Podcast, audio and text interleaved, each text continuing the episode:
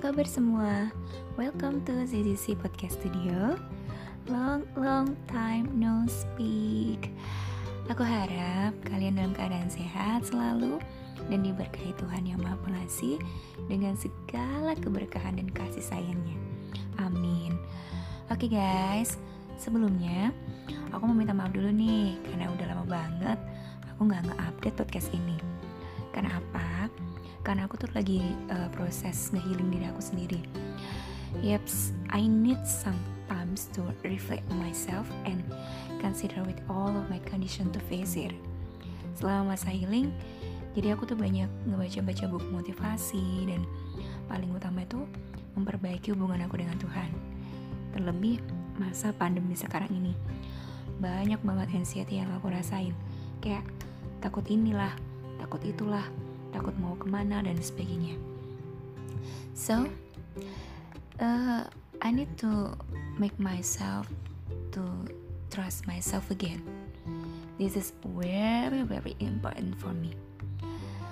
Oke, okay, nggak berlama-lama. Buku selanjutnya yang kita bahas adalah buku dari sesepuh kita, sepuh banget pokoknya, yakni Eyang Dale Carnage. Emang siapa sih Dale Carnage itu? Oke, okay, pertama aku tahu dari Dale Carnage itu dari seorang youtuber Amerika Serikat yaitu seorang mahasiswa di Vandenberg University yang bernama Elliot Choi.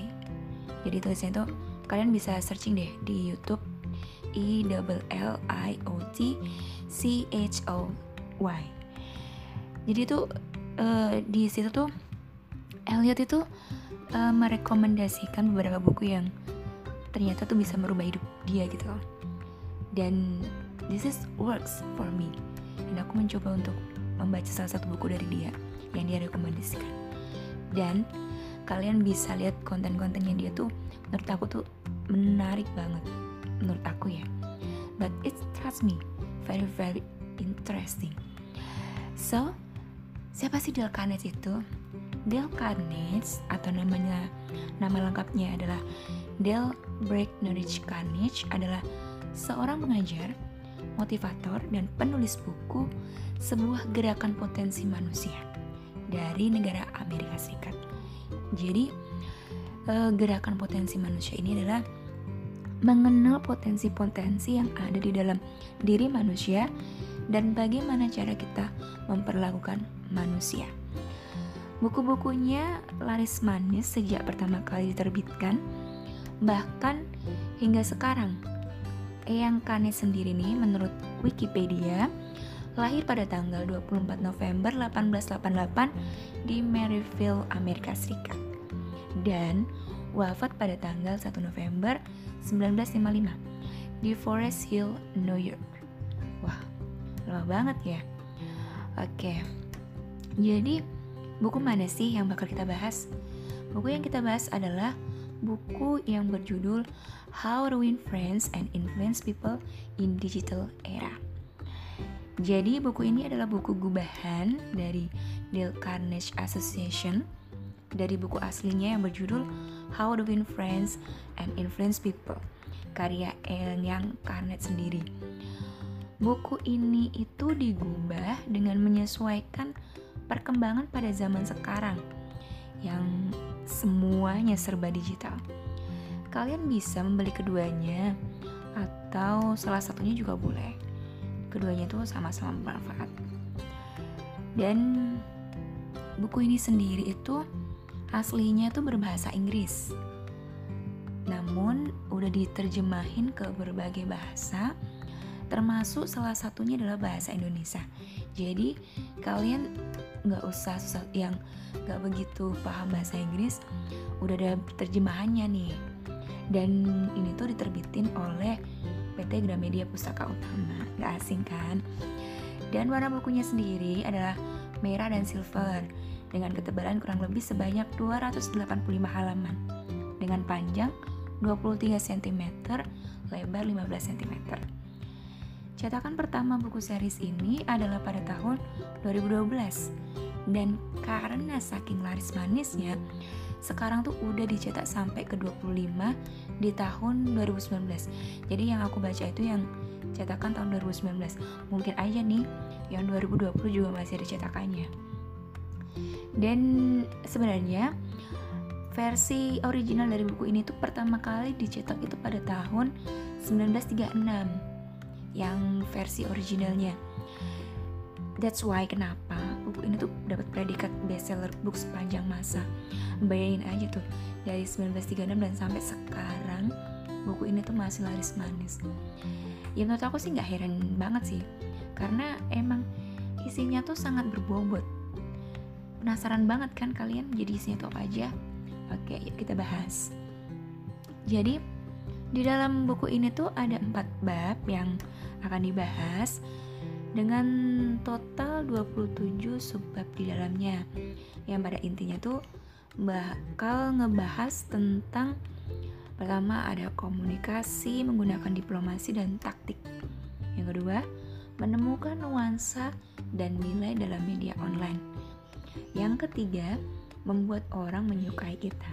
Dan yang keempat membangun dan memanfaatkan jejaring yang solid. Yang kelima menjadi pembicara yang lebih persuasif. Yang keenam, menyampaikan pesan Anda secara luas dan jelas.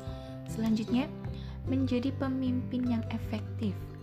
Ini yang paling penting ini, menguasai era internet serta meningkatkan kemampuan menyelesaikan pekerjaan dan memaksimalkan kekuatan sarana digital. Oke. Okay jadi bukunya tuh bener-bener bener-bener inspiring banget lah hal yang paling unik nih menurut aku dari buku ini dari yang paling aku suka adalah dipaparkannya sebuah kasus atau cerita dari pengalaman beberapa orang dari berbagai strata. Jadi tuh ada yang dari karyawan ada yang dari pokoknya dari yang strata yang paling paling kecil ke strata yang paling tinggi yaitu kayak ada presiden pun juga ada ceritanya di sini jadi di sini itu mengurai tentang bagaimana sebuah kesan atau impression itu sangatlah penting untuk menginfluence orang. Lalu pengalaman-pengalaman atau cerita yang disajikan itu bukanlah cerita drama, melainkan sebuah cerita solutif gitu dalam menghadapi berbagai kejadian atau masalah-masalah yang setiap toko hadapi. Um, misalnya nih, um, misalkan ada sebuah masalah yang dialami salah satu toko yang harusnya nih gue tuh kalau tahu nih nggak bakal nggak bakal ngelakuin ini. Jadi tuh kayak ngebuat kita para pembaca tuh diajak untuk merenung, merefleksi, terus belajar gitu. Jadi kayak ngebatin, oh ini toh. Jadi sebaiknya begini ya ternyata. Um, benar juga ternyata. Coba kalau dipikir-pikir nih, ternyata tuh ada logisnya gitu. Atau bahkan nih, jika sebuah kisah itu yang dipaparkan itu ternyata ada relevansinya dengan kisah kita. Kita bakal ngebatin seandainya aja waktu itu aku tahu kalau caranya seperti ini. Mungkin kejadian waktu itu tuh nggak bakal separah sekarang. Kayak gitu tuh.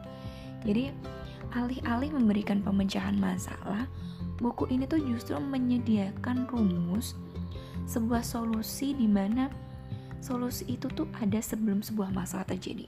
Jadi tuh jangan sampai masalah itu terjadi baru kita membuat sebuah solusi. Tapi kita tuh udah punya solusi nih agar masalah itu nggak terjadi gitu. Jadi ibarat kata tuh faktor resikonya itu tidak besar seperti itu. Selain itu, buku ini tuh mengajari kita untuk mempelajari manusia dengan pendekatan yang manusiawi, yakni memanusiakan manusia. Oke, okay.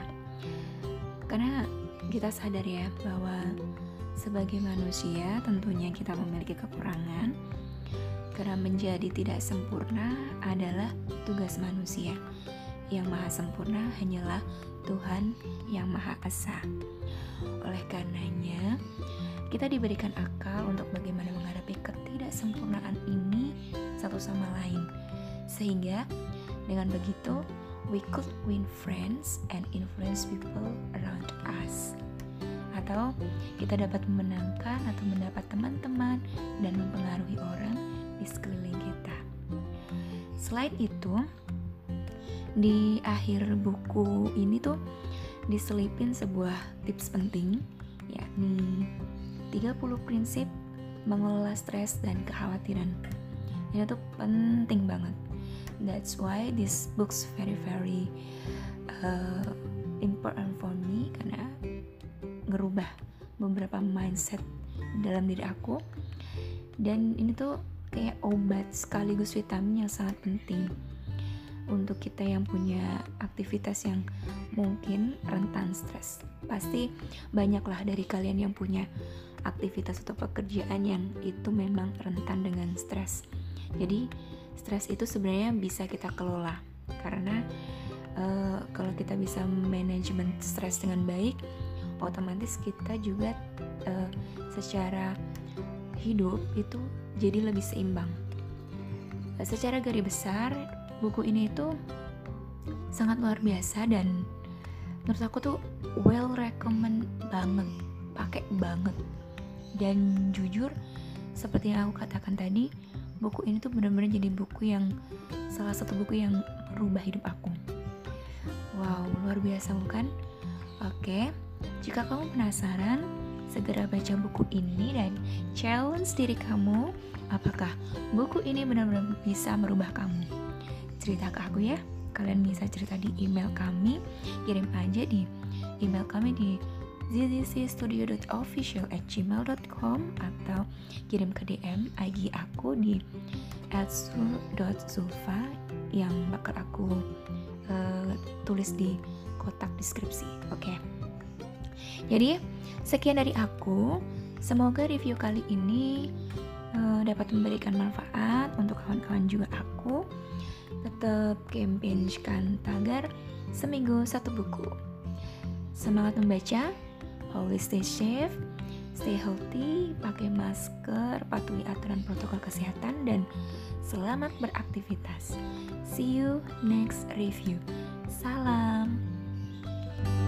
thank you